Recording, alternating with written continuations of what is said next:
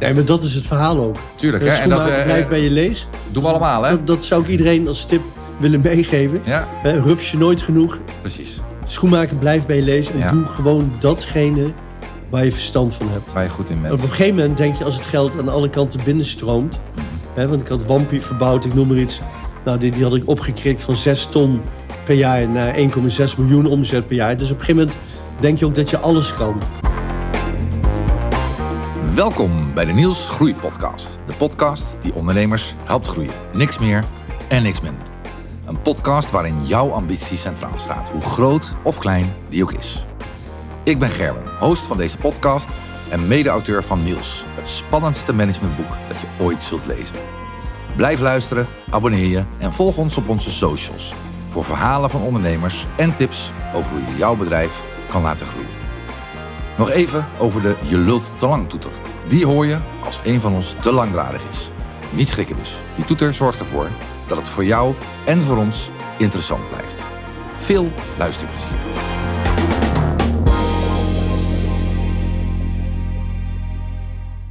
Nou, welkom. Paskie Rokes senior dit Ja, keer. Dankjewel voor de Ja. uitnodiging. Bij de, bij de Niels Groei podcast. Terwijl de helft van Nederland nog eh, ligt te bakken op een eh, Kroatisch, Italiaans of Spaans strand. maken wij vandaag de eerste dag vol zonneschijn mee. Na wat een eh, soort eh, ver- vervroegde herfst leek. Precies. Superleuk dat je er bent. Dankjewel. Ja, een paar Alle weken na je zoon. Ja, Ja, ja, ja dat had ik eh, gehoord. Eh, Bij toeval hoorde ik hem op internet. ja, Ik denk, hé, dat is leuk. ja. Goede vragen, Ja. duidelijk verhaal. Dus, ja, het sprak me heel erg aan. Ja, nou ja, ik, jij bent een bekendheid hè, in Arnhem.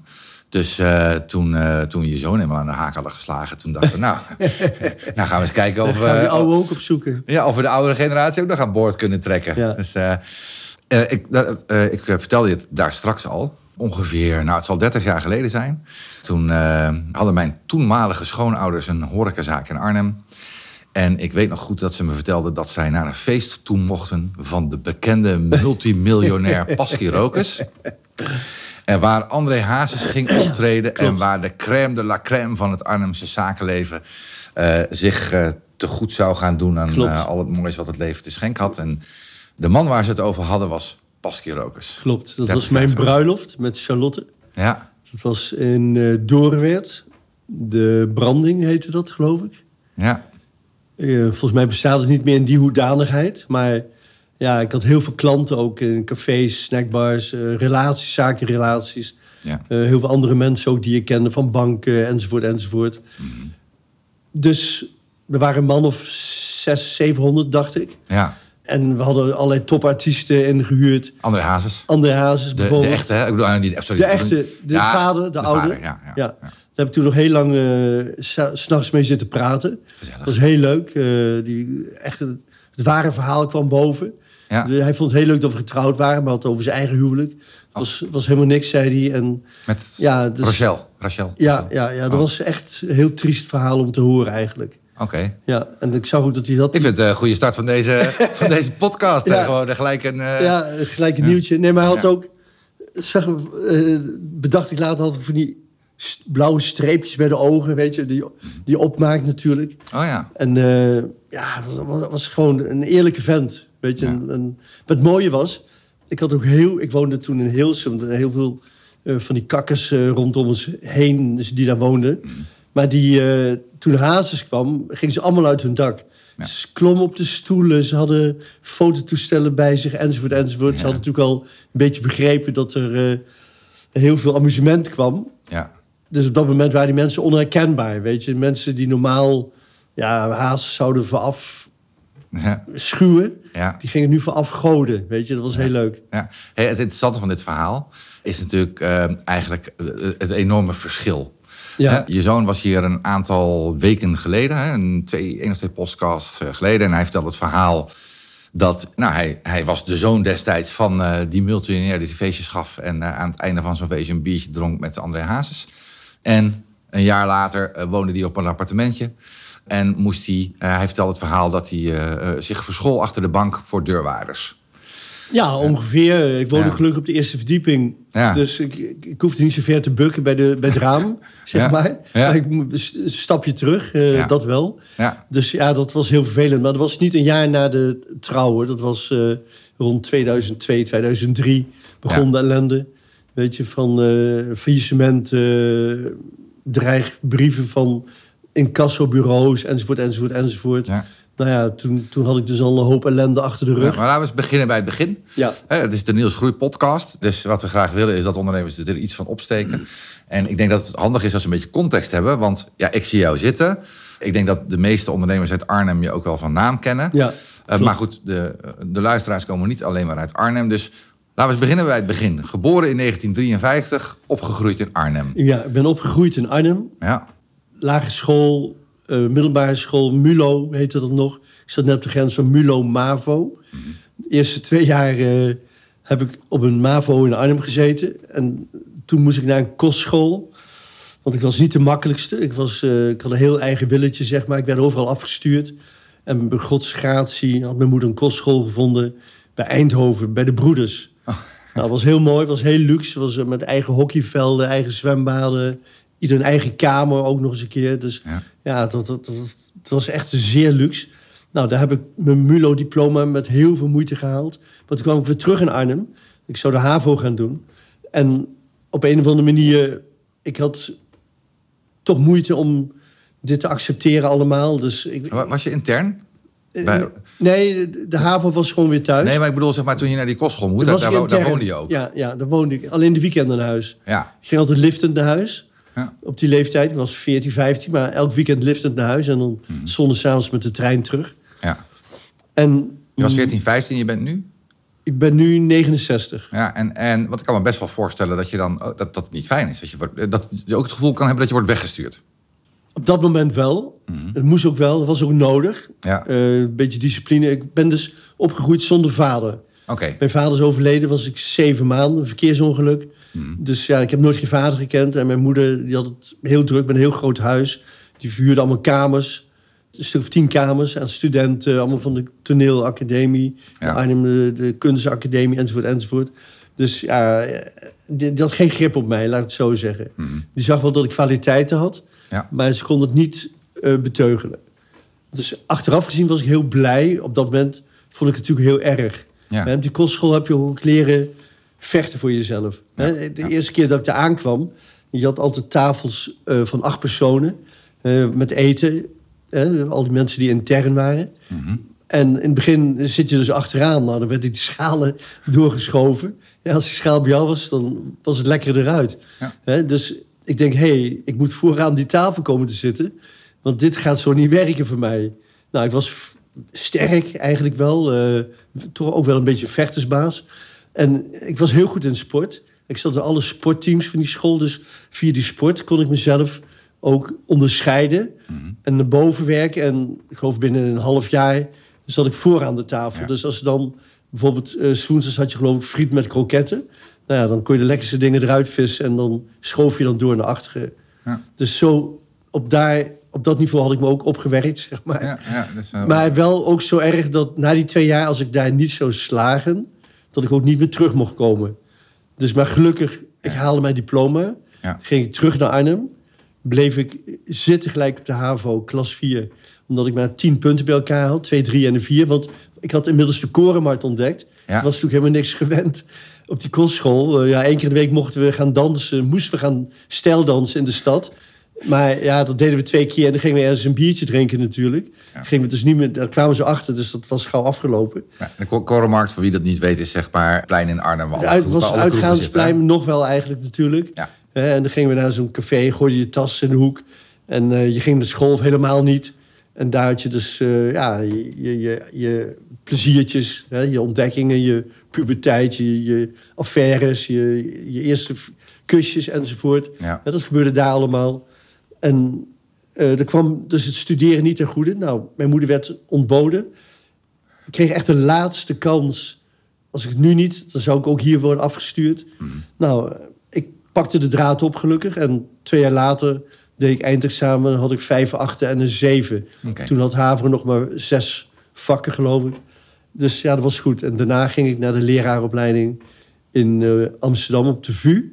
Nederlandse geschiedenis. Dus ik was heel serieus geworden. ja, het is wel een, eh, van de ene uiterste naar de Ja, andere ja, ja.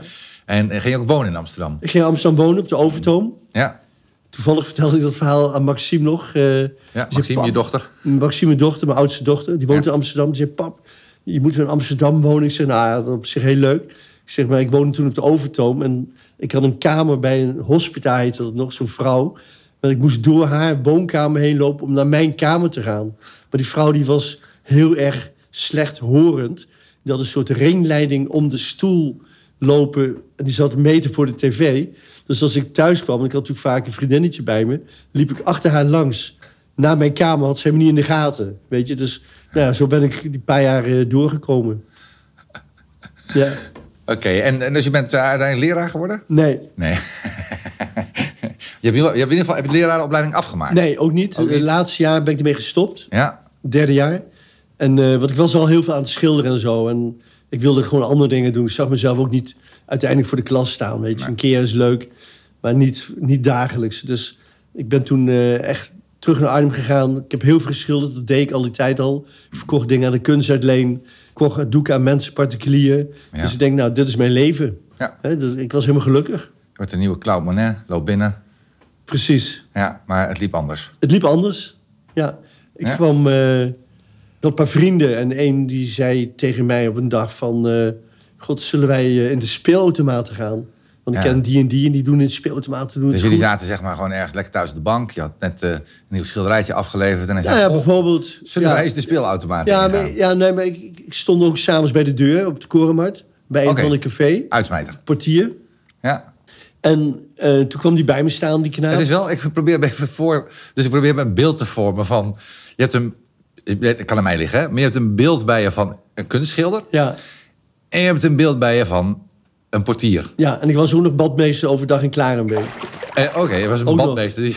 Ja, in de zomer dan, hè? ja, nou, het zal even duren voordat ik, dat, eh, voordat ik dat vlot krijg in mijn hoofd. Maar goed, de schilder Ja, de uitsmijter. Ja, Ja. nou maakt niet uit. Eh, Ik deed dat er gewoon bij, want ik wilde gewoon geld Tuurlijk. verdienen. Ja, Hè? En eh, toen werd portier nog heel goed betaald. ja. Weet ik, ik bedoel, het salaris was helemaal niks. Maar je kreeg fooi. iedereen voor je, weet je. En Ja, ja. Je had echt een paar honderd euro of gulden toen nog op een avond. Drie, Ja. vierhonderd gulden had je gewoon makkelijk. Dus ja, dat was heel prettig. Want schilderen deed ik heel graag, maar levert natuurlijk niet veel Nee. op. Nee. Nee. En toen de speelautomaten. Dus hij kwam met het idee van... God, eh, we moeten speelhallen gaan beginnen, weet je. Die kwamen net in opkomst. Dat was de jaren... Eind 70 was dat. Ik zeg, ja, ik zag het helemaal niet zo zitten. Ik denk, joh, eh, dat is niet zo simpel. Hij zei, jawel, we gaan gewoon proberen. Nou, wat hebben we toen gedaan? Hebben we alle gemeentes in Nederland hebben aangeschreven... alle gemeentes boven 50.000 inwoners... Ja. aangeschreven voor een vergunning voor een speelautomatenhal. En nou ja, we hoorden een half jaar helemaal niks van geen ene gemeente, want die vond niet eens de moeite waard om te antwoorden. Totdat de, Assen, de gemeente Assen kwam in één keer met een eh, beloning van eh, jongens, eh, als jullie willen beginnen, begin maar. Het heeft hier vroeger een hal gezeten met heel veel problemen gesloten. Maar als jullie denken dat je het kan doen, Ja. dan eh, willen we jullie de kans geven. Nou, we hadden natuurlijk helemaal geen pand. We hadden toen wel een pand opgenoemd. Gewoon gekeken wat een pand te huur was. Dus dat was zogenaamd onze locatie. Maar we moesten dus echt nu daadwerkelijk een pand gaan zoeken. Ja. Nou, dat is gelukt. Het was een, een of andere beddenzaak hebben we uitgekocht. Ja. Met, met geld weer van vrienden en familie. We hadden natuurlijk nul eigen vermogen. Ja. En Assen, rustig verder hoor. en Assen in 1978 is het begonnen. Ja, En? dat was de eerste hal, dan was ik 25. Dus Ja. eh, dat was gelijk een succes. Want het was de bedoeling dat we daar zouden gaan werken in zo'n balie.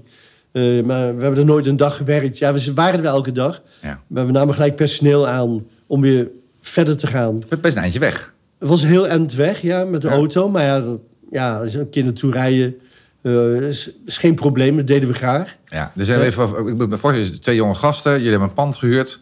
In, in dat pand allemaal speelautomaten. Speelautomaten. Speelautomaat, want eh, eh, is dat hetzelfde als een gokkast? Of? Ja, nou, gokkasten en flippers video's. Hè? Ja, dus, ja, ja Pac-Man, dat soort dingen ook. ja, ja, Pac-Man en wat had je allemaal voor schietspelletjes toen nog. En stond dat door elkaar? Nee, de gokkast hadden we duidelijk gescheiden. Ja, Eigenlijk met een extra deur er ook nog in, toen al. Ja. Om, om ook geen, om beter controle te hebben. Want eigenlijk ja. was het eigenlijk niet gewenst natuurlijk. Was, bracht ook veel sociale onrust, begreep ik later. Ja. Maar die, die, die, die videogames, die flippenkasten, stonden eigenlijk als alibi Ah, vooraan. En dan achteraan, daar werd het geld verdiend. Ja. Die, die kasten vooraan moest geld bij. Ja. Maar die kasten achterin leverden geld op. Heel veel geld. Ja, nu, nu even, eh, ik, wil, ik wil toch gevraagd hebben. Je hebt natuurlijk mensen die eh, raken gokverslaafd. Ja, En hoe, hoe voel je dat dan zelf? Want nou, je, nu vind je ik het heel... faciliteert ze. Ja, nee, daarom.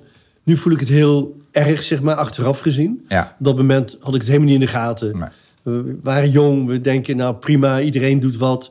Ja, zorg voor jezelf. Ja, Ja. bedoel, het was ook helemaal niet, kwam niet, ook niet te sprake. Weet je, gokverslaving was nauwelijks, dat was nauwelijks eh, een item, ook niet bij de regering. Nee. Dat kwam eigenlijk pas later, toen al die hallen de heel Nederland eh, als paddenstoel uit de grond Ja. schoten. Ja. Toen bleek dus dat mensen heel veel geld verspeelden. Ja. Als voorbeeld, ik bedoel, als ze niet de eerste week natuurlijk, maar op een gegeven moment draaiden we daar iets van 45.000 gulden per week. Dat was over. Maar ik Winst. had winst, maar ik had, ik had dus een hal in Zwolle inmiddels ook begonnen en eentje in Veendam. Mhm. Die hal in Zwolle die draaide tussen de 120 en de 150.000 per week. Dus kun je nagaan wat daar dus verspeeld werd. Ja. Aan, en- aan winst. Aan winst. Dus even voor mijn Ja, beeld nou ja, winst. Er ging natuurlijk wel kosten af, personeel Ja, en dat soort dingen. Maar qua Ja. spelwinst op de automaten Ja. bleef dat dus over. Ja, ja, ja. ja. Dus, eh, dus van, de, eh, van de, de, de, de schilderende uitsmijter was je inmiddels Ondernemer geworden. ondernemer geworden met een aantal goedlopende... Drie, ja, Veendam ook. Veendam ook een hal. En op een gegeven moment ja, kwam heel veel geld binnen, maar we hadden niet zoveel te doen.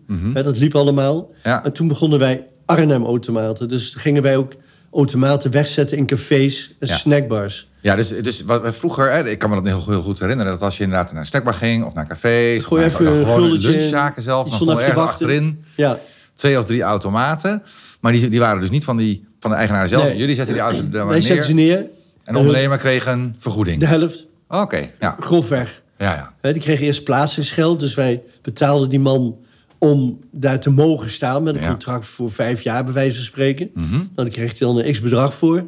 En dan op de- vanaf dat moment werd de opbrengst gewoon gedeeld. Dus wij zorgden voor de automaat, voor de service, voor de vervanging, reparatie, alles. Ja. En hij zorgde voor de stroom. En hij ja, moest de hele dag dat gezeur van die lui natuurlijk aanhoren. En hij moest ook geld wisselen.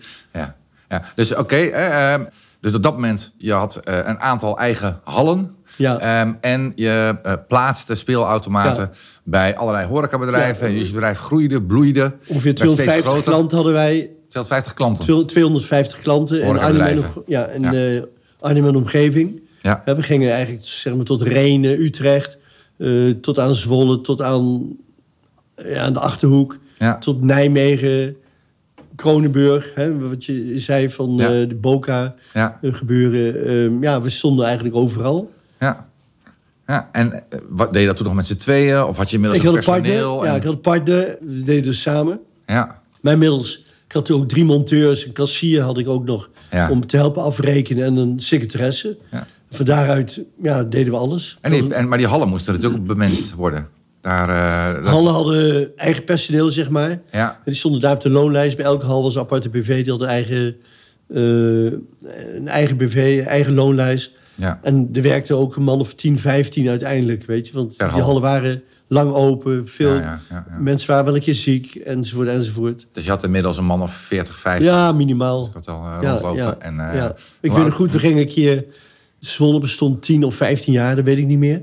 Maar toen zijn we een keer drie dagen naar Parijs gegaan. Met z'n allen. Met, een- met een bus, een touringcar, met, met eh, alle personeel. Maar de hallen zorgde ik altijd wel voor dat die gewoon open bleven. Ja, ja. Dus eh, familie erin, enzovoort, enzovoort, enzovoort. ja, een dus- paar dagen dicht kost je vermogen. Een paar dagen dicht en dan hadden we de reis al betaald. Ja. Of het zou, dat zou dan een hoop geld kosten. Dus Ja. door open te blijven, werd die reis ook weer betaald. Ja. Oké. Hey, ehm, ga even een sprongetje maken. Want het is natuurlijk een super interessant verhaal. Ja. Hè? Want eh, dus die exploitatie van die speelautomaten. En daarna ben je nog meer gaan doen. Vastgoed, horecabedrijven. Ja. Je, je bent eh, in Rusland gaan ondernemen. Ja, klopt. Nou, Vanuit de eh, speelautomaten kwamen wij eh, via via in Rusland terecht. Ja? Een vriend van mij in Arnhem, die altijd... Inmiddels had ik Wampie Café gekocht, moet ik even vooraan beginnen. En in Wampicafé kocht ik eigenlijk voor mijn vrouw dat die ook wat te doen had. Maar ook voor de zakelijke contacten. Want- Is het nog steeds je vrouw? Want die Nee, opmerking is dat mevrouw ook wat te doen had. Ja. Als ik dat zou Nee, zeggen, niet, het is ook niet actueel, maar dan, dan hoef ik niet meer thuis te komen. Nee, nee maar zo was het wel. Want Ja, zij wilde ook graag wat doen. Ja. En toen zeg ik, nou, eh, wat wil je dan? Nou, ze had een papendal gesolliciteerd voor één dag in de week. En was haar Engels niet goed genoeg, hadden ze gezegd. Ik zei, ja, dat is toch onzin? Ik zei, ik, ik ga een zaak voor jou kopen en dan, hè, dan begeleid dat op de achtergrond. Ja. Maar jij bent het gezicht en, Ja. en jij doet de hele huishouding. Ja. Nou, dus ik kocht Dus je, je kocht een horecazaak. Ik kocht Wampcafé Dus, dus, eh, dus even speelhallen, een aantal speelhallen. Daarnaast plaatste je bij een paar honderd bedrijven automaten. En toen nog iets erbij, een Klopt. horecabedrijf. Ja. Ja. Ik, ik vond Wampje altijd heel bijzonder. Omdat daar ook een heel goed publiek kwam. Ja. Eh, het ondernemende publiek, zeg maar. Ja, Nou. bekende Arnhemse namen. Ja, eh, advocaten, nou ja, accountants, alles, alles. Ja. Wat maar een beetje ondernemer was, die kwam Die daar. kwamen daar. Nou, dat vond ik heel interessant. Want ja, ik wilde ook verder groeien eigenlijk.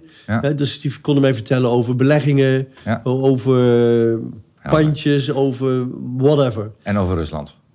En over Rusland bijvoorbeeld. Deze persoon, die zat daar, die woonde op de hoek eh, bij de Korenmarkt. Ja. En die had een Nederlands bedrijf in Moskou. Die had een bedrijf dat hij import deed voor een aantal producten. Maar dan praten we nog voor, dat was de USSR. Ja, Dus eh, de Sovjet-Unie. ja. ja. nou dat was in de jaren begin negentig of zo. Ja, oké. Ja, oké. Ja. Ja. Ja. En ja, ik denk begin negentig of zo. Hij zei op een gegeven moment pas, beluister, ik heb daar een, een mooi kantoor. Als jij wil, kan ik zorgen dat we daar eh amusementshallen gaan beginnen in. Rusland. Ik heb de contacten. Wat jij moet doen is zorgen dat die automaten er komen. En voor de reparaties eh gaan we mensen opleiden. Dus ik liet jongens uit Rusland komen om monteur, monteur te worden bij ons. Ja. Hè, en dat ze met speciale automaten waren andere dan die wij normaal gebruikten. Ja. Hè, Er waren eigenlijk alleen maar gokkasten van die Amerikaanse bandieten. Waar je moest trekken aan zo'n hendel. Ja, ja. Hè, en waar al dat gerenkel uitkwam, die muntjes. Ja. Ehm, en die gingen ook speciaal eh, met eh, transport bewapend in vrachtwagens naar Rusland toe. Ja. Dus dat was wel een heel mooi verhaal. We hadden een hal in Moskou, in eh, Petersburg Ja. en in Toliati. En Toliati kende ik niet, maar dat is de stad duizend kilometer ten zuidoosten van Moskou, waar de Lada-fabrieken staan. En daar werken alleen al 300.000 man. Een stad van 1 Ja. miljoen inwoners. Daar onder in een hotel kregen we een hele mooie ruimte en daar konden wij die hal beginnen. Ja. Die hallen maakten wij prefab in Nederland helemaal klaar. Er werd helemaal Ja. opgemeten. Ja. Dat die ter plekke alleen nog maar in elkaar hoefde gezet te worden. Want dan kun je dus niet aan Russen overlaten. Nee. Ben je er ook naartoe geweest? Ik ben er regelmatig geweest, heel vaak. Ook met de opening. En hebben we echt hele mooie dingen meegemaakt. Ja, ja, ja dat kan ik me voorstellen. Oké, Rusland. Dus horecazaken erbij, Ja. eh, speelhallen in Rusland erbij. Ja. Vastgoed. Vastgoed, dat deed tussendoor al een klein beetje. Ja. Hè, er kwamen natuurlijk heel veel makelaars ook eh, bij Wampie. Dus je kreeg de nodige tips. Van, Ja. god, ik heb iets leuks voor je, een mooi beleggingspand. Pand. Ja. Eh, Toen was heel populair het uit, uitponden zeg maar, van panden. Ja. Dus je kocht een heel flatgebouw, 40 woningen... en dan ging je één voor één die flats verkopen... of in- je stoot het in één keer door. Ja. Dus ja, dat was heel interessant. Ja. Ehm, de grote deals kwamen eigenlijk later. Maar inmiddels was ik ook Febo begonnen in Arnhem. De Febo. De Febo. Is Die Fe- had ik- ben jij een Febo of is Fe- ben jij Febo? Nee, nee, een Febo. Een franchise. Febo is een franchise Ja. gebeuren uit Amsterdam. Ja. Febo bestaat, staat eigenlijk voor Ferdinand Bol. Ja. Daar zou de eerste Febo beginnen ooit. is nooit gebeurd. Maar die naam hadden ze inmiddels bedacht. En ja, wij vonden het zo'n mooi concept eigenlijk. Dus toen zijn we gaan informeren. En we konden in Arnhem eh, gaan beginnen. Ja. En ja, het was vanaf dag één eh, succes. Ja, een van de dingen die wij eh onze ondernemers altijd adviseren is om focus te hebben. Hè, dus zorg dat je ergens heel goed in bent en, Ja. en blijf dat doen. Jij bent ongeveer tegengesteld. Ik ben tegenovergesteld. Eh, je zag iets voorbij, en misschien is het dan, hè, maar je, en succesvol. Ja. Maar je zag iets voorbij, oh, dat, dat vind ik ook leuk. Ja, precies. Want Febo is gewoon een au- automatiek stekbar. Ja. Hè, en nou, heel bekend door heel Nederland volgens mij. Eh een horecazaak doen is natuurlijk weer een compleet ander iets. Ja. Een bedrijf beginnen in het buitenland. En dan niet zomaar een buitenland, hè, want het is iets anders of je iets in Düsseldorf begint Ja. of in Moskou. En, en nou, ondernemen in vastgoed of beleggen in vastgoed. Ja, en sterker nog, ik had Ik had zelfs eh, heel groot ingezet bij een participatiemaatschappij. Ja. Op een gegeven moment had ik 40 bedrijven van eh, allerlei eh allooi, zeg maar. Hoe, maar hoe, je had 40 bedrijven? 40, ja, ik was mede-eigenaar van 40 En bedrijven. kwamen die Dus mensen dan gewoon bij jou aanbellen en zeiden van... hé, hey, wil je meedoen? Zo ging het ongeveer niet. Maar Nee, hoe dan? Een beetje aan de Joep van de Nieuwenhuizen. Dus, Bedrijvendokter. bedrijvendokter. En wij kochten bedrijven op en met winst stoten die, die door. Dat was de bedoeling. Maar er zaten hele grote ondernemers uit de regio in. Hele bekende namen. We deden dat met een man of tien. Met geld. Met, met heel veel geld. Ja, ja. En Oké. wij hadden dus mensen die dan al die zaken voor ons gingen leiden. Maar Was je, toen, was je toen eh, was je een gelukkig mens? Toen je, toen je, want eh, ik kan me niet voorstellen dat je nog tijd had om te ademen. En je zat best wel in nou, eh, Rusland, in de wereld van het gokken. Dit, dit, is, dit zijn ook hè, dat bedrijven Ja. overnemen, opkopen, doorverkopen. Het zijn niet de meest sympathieke. Klopt, klopt. eh, nee, dat, dat, merk je in Rusland ook heel duidelijk. Wij moesten dus echt met de maffia samenwerken. Want dus Ja. daar, ja, daar ontkomen niet aan. Je, je weet ook niet dat het maffia is. Het- Nee. Ze noemen zich ook niet zo. Nee. Maar hun zorgen voor de bescherming. Hun zorgen dat er een andere groepering niet die hal overneemt. Ja. Enzovoort, enzovoort. ja. Eh, ik heb, want- eh, ik heb zeg maar, voor, voor het boek. Ja, het boek- ik heb het boek net gegeven, je had het nog niet gelezen, maar Ja. daar komt de Russische maffia voor. Oké, oké. En dan heb ik een boek gelezen over de FOR, heet het volgens mij, de Russische maffia. En het is inderdaad zo, ja, je, hoeft, je kunt niks beginnen, helemaal in die jaren overigens. Je kan Nu- niks nu is het een compleet andere wereld, maar in die jaren kon je niks. Maar, maar het- mijn vraag is eigenlijk van, ja, je, kun, je had er ook voor kunnen kiezen om het dan niet te doen. Ja, maar ik vond het een uitdaging. Ik vond het Spannend. spannend. Ja, ja, ik vind, het- ik vind het mooiste persoonlijk om een bedrijf op te starten. Vanuit nul Ja. iets beginnen. Ja. De geboorte van een bedrijf, zeg maar. En op het moment dat het eenmaal loopt, Ja. vind ik het dan minder interessant worden. En was je in die jaren ook een beetje een thrillseeker? Zou je dat kunnen zeggen? Want ja, het is best wel spannend allemaal, hè? Ja, nou, ja, nee. nee thrillseeker heeft iets...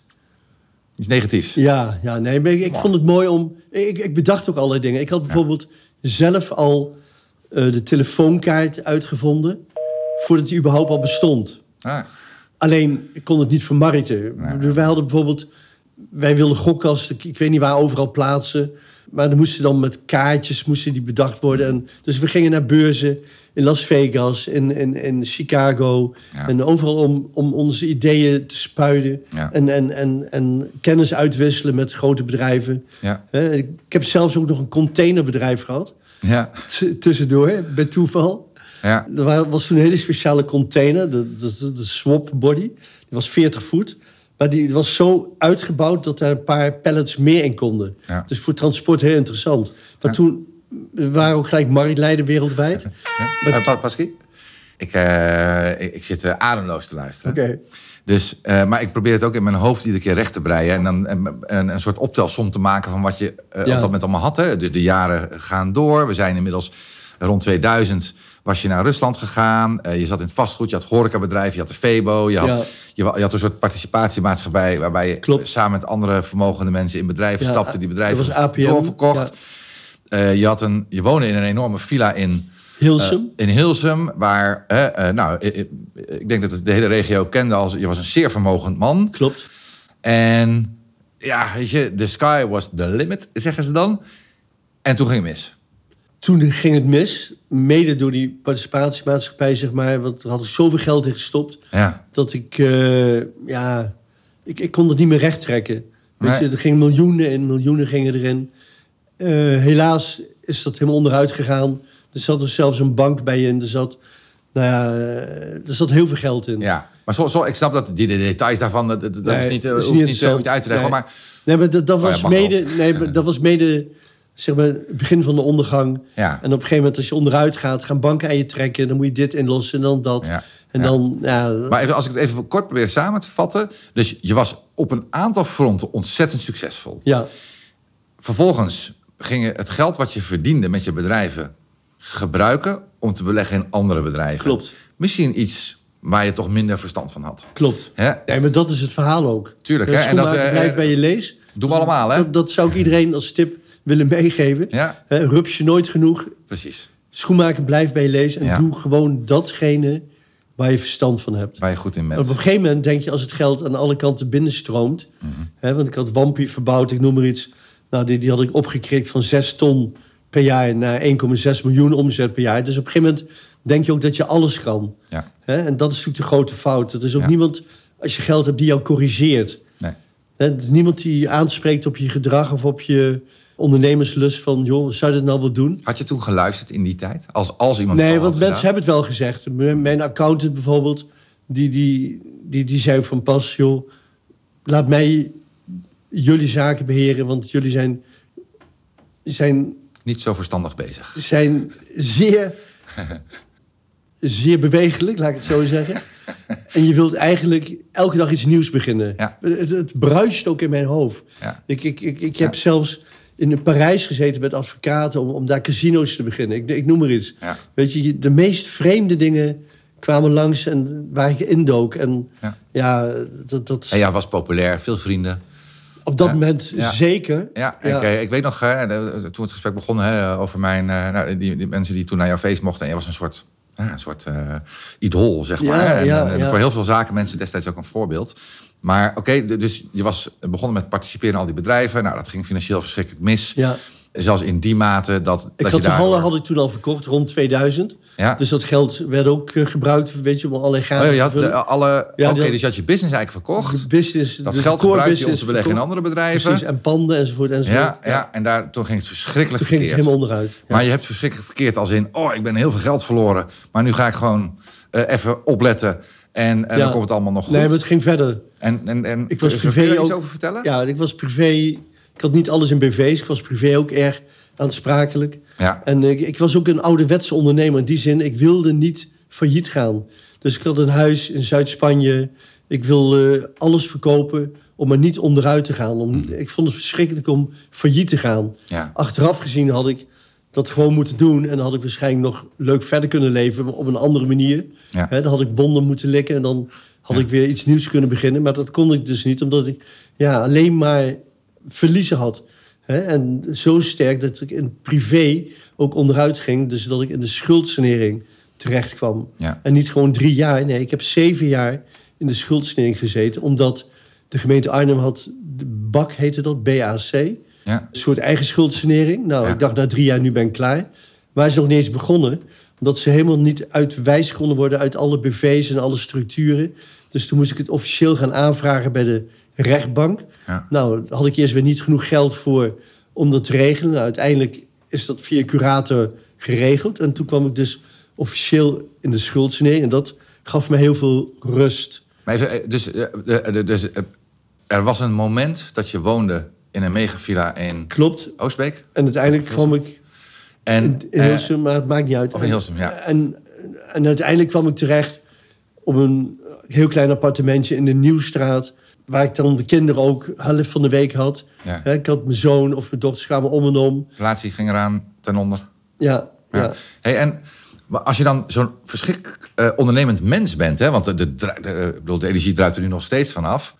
Het ene moment ben je dus met, eh, bezig met eh, de, de fout die gemaakt is. Hè, dat vind ik wel mooi, want het is natuurlijk ook goed als andere ondernemers er iets van kunnen leren. precies, Is, precies. doe waar je goed in bent. Ja, Blijf vooral eh, normaal doen. Hè, en ga niet je, eh, op het moment dat het goed gaat, je geld stoppen in allerlei zaken waar je geen verstand van klopt. hebt. Nou, Dat, dat is denk ik heel belangrijk. En dan zou ik ook mensen op aanspreken of willen aanspreken. hè. Ik Ja. heb ook wel eens naar de hand tegen banken en tegen accounts gezegd van... joh, je kan me inhuren hè, om mensen af te remmen. Ja. Hè, dat is eigenlijk het belangrijkste. Heel veel ondernemers die, die, die, die zien die gouden pot aan het einde van die regenboog. Maar die moeten toch op een bepaalde manier eigenlijk afgeremd worden. En dat kan eigenlijk alleen maar door iemand met ervaring en door verhalen... Mhm. die je kan vertellen van hoe het ook kan. Ja, is dat ook waarom je dit verhaal vertelt? Ik kan me namelijk ook goed voorstellen. Ik vond jouw zoon Paskia er al heel open over. Ja. Echt fantastisch. Hè? Je hebt trouwens allemaal ontzettend leuke kinderen. Dankjewel. Eh, maar Pascal was er heel open over. Maar je hebt zat ondernemers die, als dit ze overkomt...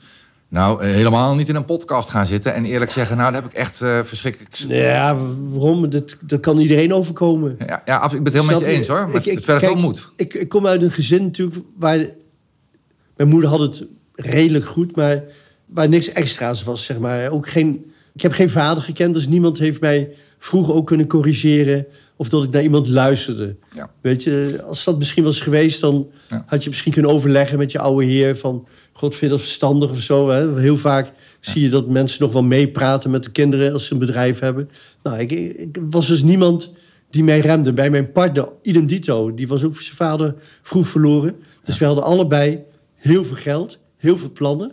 En ja, we zagen overal eigenlijk wel Kansen. een avontuur in. En we zagen overal wel handelen. Ja. Weet je, en, en het gaat goed zolang het goed gaat. Ja. Maar op het moment dat het onderuit gaat. Dus ik zou echt ondernemers willen op hun hart willen drukken van, joh, wees tevreden.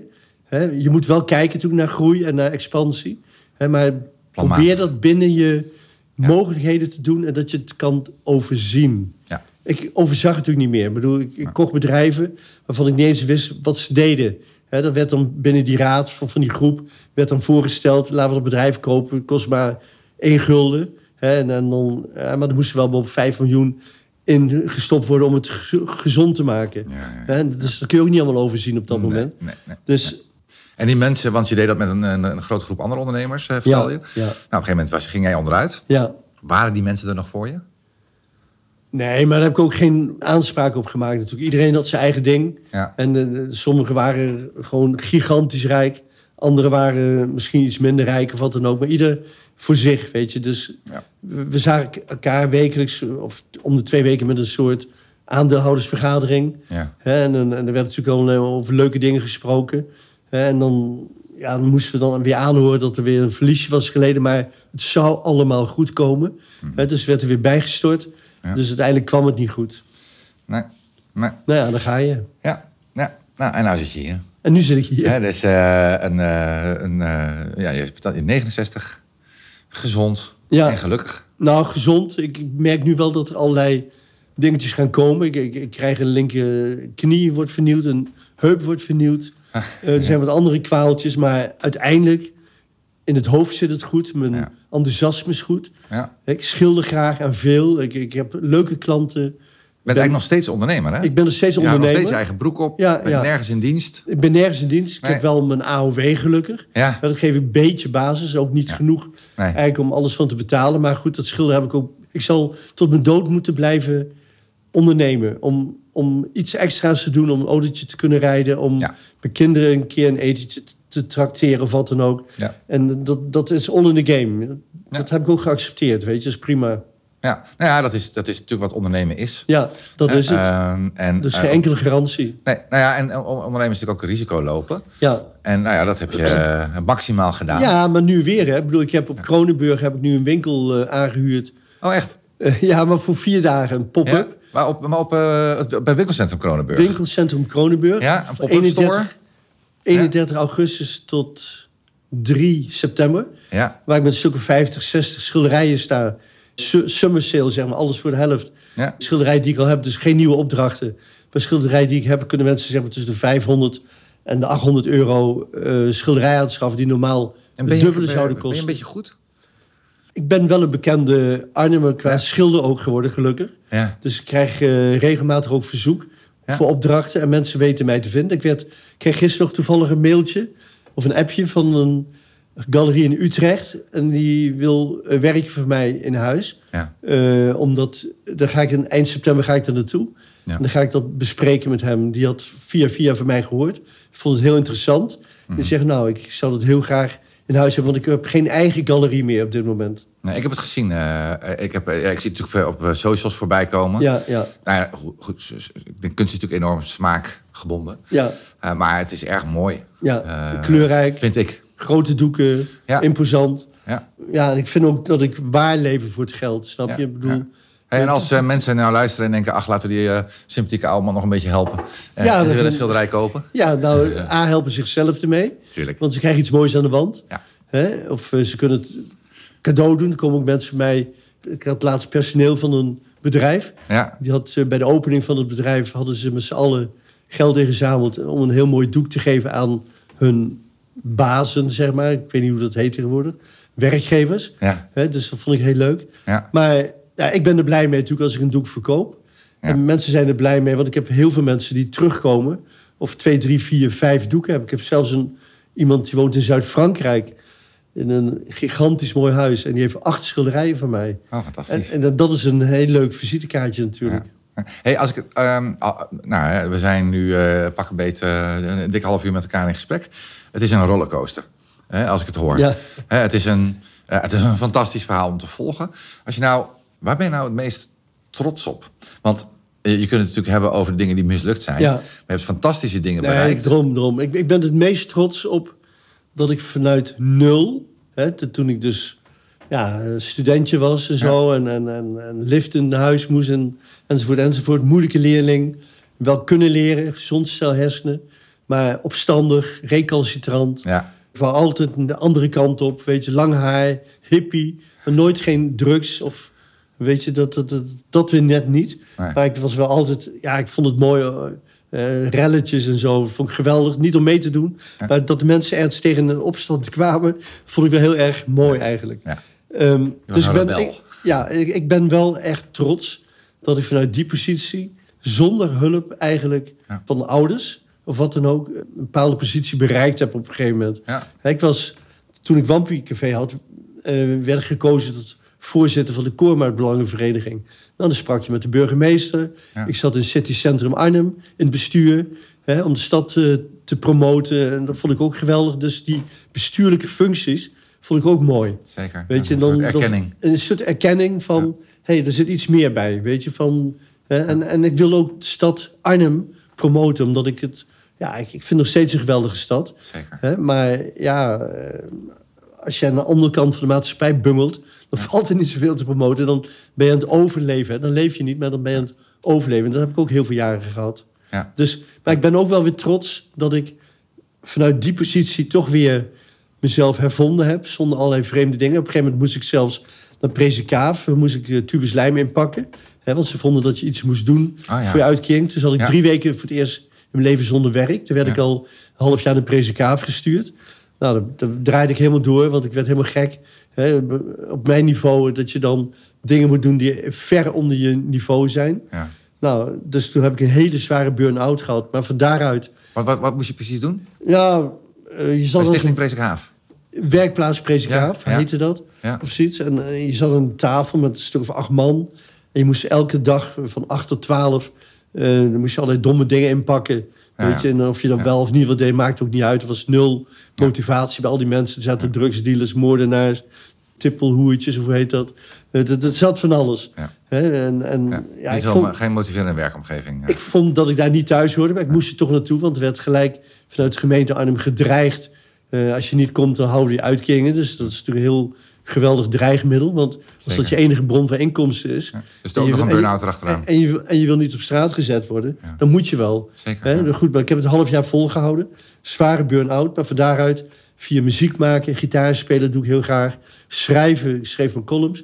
En het schilderen heb ik mezelf toch hervonden. Mijn kinderen, denk ik, dat was voor mij ook een basis om door te gaan. Hè, die waren toen echt jong. Die waren puberaal, enzovoort, enzovoort. Nou, voor hen was het natuurlijk ook een klap. Hè, van het, Ja. hè, vooral voor de oudste twee. eh, de jongste twee hebben dat niet zo heel erg meegemaakt, niet zo bewust. En die gaven ook de stimulans natuurlijk van... probeer in ieder geval hun op de plek te zetten. Ja. Nou, dat is me redelijk gelukt, denk ik. ja, zeker. Dus eh, dat, dat was voor mij de grootste drive eigenlijk. Ik heb mezelf helemaal weggecijferd. Ja. Ik vond, ja, hun belang gaat voorop. Hun hebben er niet om gevraagd. Ik heb ze wel gemaakt, die kinderen. Ik heb ze gewild. Hè, allemaal. Ik heb ze heel erg gewild. Ja. Maar ik zal ook zorgen dat ze redelijk tot zeer goed terechtkomen. Ondanks dat ik het zelf heel moeilijk heb. Ja, nou, nou ja, ik ken eh, veel van je kinderen. Ja, toevallig. En, eh, dat is je goed gelukt. ja, echt heel leuk. Ja, hey, ehm, ja fantastisch verhaal. Ik, eh, er zijn een paar dingen die ik... eh, Ik ga iets zeggen en dan mag jij het verhaal erbij vertellen. Ja, is goed. En probeer het kort te houden. Menno Bug. Ja, een boeg. Dat was heel mooi. Dus op een gegeven moment... Wij, ik was op zoek naar overnames. En toen had je in de Telegraaf altijd een rubriek... met allemaal bedrijven die overgenomen konden worden. Een soort advertenties. Nou, ik zag er staan een 06 exploitatiemaatschappij... die eh, was te koop. Nou, ik reageren, Hotel Maarsbergen afgesproken... bij een van de accountant. Bleek dus de accountant van Menno Boeg te zijn. En hij wilde inderdaad voor... Hij wil al zijn 06-lijnen, sekslijnen, Ja. wilde hij verkopen. Ja. Nou, ehm, tweede gesprek, we waren heel serieus bezig. Er werd iets van 3 miljoen gevraagd, geloof ik, maar we waren heel serieus bezig. Tweede gesprek was met een boeg bij. Het klikte zo goed tussen ons... dat hij zei zelfs op een gegeven moment pas... me luisteren, ik heb ook lijnen in Spanje... maar die geven waarschijnlijk fiscaal heel veel problemen.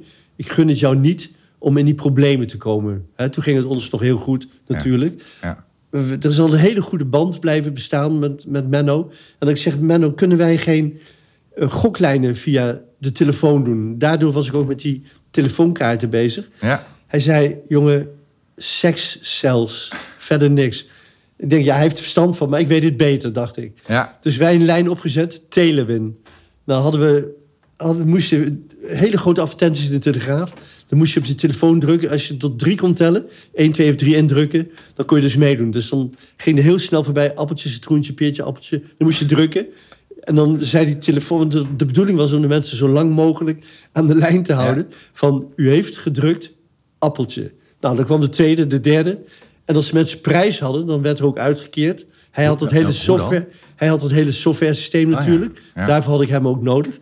Nou, uiteindelijk, we draaiden twee weken. Er kwam gigantisch veel geld binnen.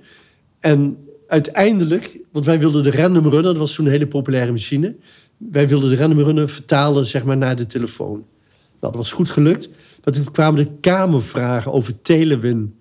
Toen dacht ik, hé, hey, wacht even. En ze hadden het over dreigen van afpakken van een exploitatievergunning. Ik denk, stoppen. En toen zei ik tegen ik zei, sorry jongen. Zei, jongen, wat maakt dat uit? Ik zei, nee, die, die, die exploitatievergunning wil ik niet kwijt. Het is voor mij heel belangrijk. Ja. Nou, toen hebben we nog een andere lijn geprobeerd. Eh Emiel Raterband was heel populair. Ik zeg, die ken ik, toevallig Emiel. Echt? Ik zeg, laten we een motivatielijn beginnen. Hij zei pas, seks. Dit, dit- hij zei, die Raterband gaat niks verkopen. Ik zeg, jongen, hij is, toen was de Raterband heel populair. Ja, is nou een beetje minder, hè? Want eh, Chaka, nee, ja, ik weet niet wat hij doet, maar dat maakt ook niet uit. Maar in ieder geval, ik Emiel benaderd, eh, die kende ik. Ik had een keer bijna zijn huis gekocht in Oosterbeek. Ja. Dus eh, hij zei, pas, kom maar langs. Ik zei, Menno gaat mee. Dus we z'n drieën. En toen hadden we een soort motivatielijn. Maar het had Menno gezegd, beluisteren, je kijkt naar buiten, je ziet het, hè, het sneeuwt, maar de zon schijnt. Hij zegt, tjaka, we gaan er vandaag tegenaan. Maar hij deed mee, Emiel. Had eh, iets van 5000 t-shirts gelijk laten drukken met, met het, met het 06-nummer erop. En als hij zo'n lezing had ergens, een seminar, gooide hij die shirts in de zaal. Ja. Dus het was voor ons prima. Ja. De eerste dag werd er heel veel gebeld. En toen heel snel helemaal niet meer, want hij deed één keer in de drie dagen een nieuwe boodschap inspreken in plaats van vijf keer per dag. ja, ja. Dus eh hebben we gelijk gestopt. Eh, hij zei pas, jongen, ik zei het toch, het wordt helemaal niks. Oké, dus...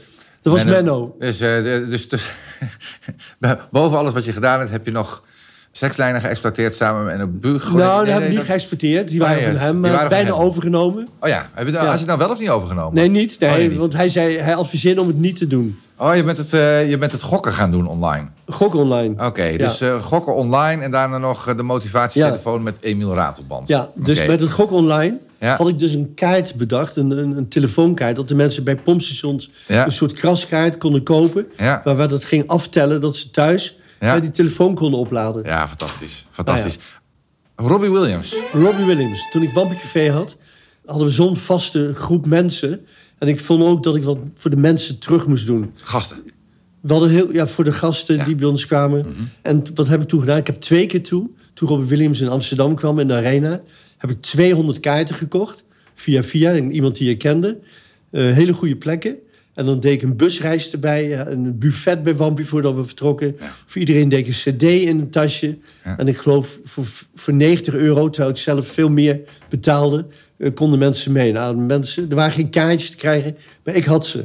Dus dat vond ik een geweldig plan. En voor de PR was dat uniek. Ja, Dus het werd zo goed gewaardeerd. ja. ja. Oké, nou. Wat is nou... eh want we gaan afsluiten. Ik denk, want we kunnen op zich nog uren door, hè? Ja, zeker. Hè, ehm, als je nou een boodschap zou moeten meegeven. Hè, is- het is- we, eh, nou, we helpen bedrijven groeien. Hè, eh, dus als je nou een boodschap. eh, en dus of groei nou. eh, wat wij vaak krijgen als we het hebben over groei, is dat ondernemers zeggen: van, ja, maar ik wil helemaal niet groeien. Nou ja, dat is prima. Hè? Dus ondernemers die niet willen groeien. Daar Is hebben eh, dat is prima, maar dan moeten ze gewoon niet bij ons zijn. achteruitgang.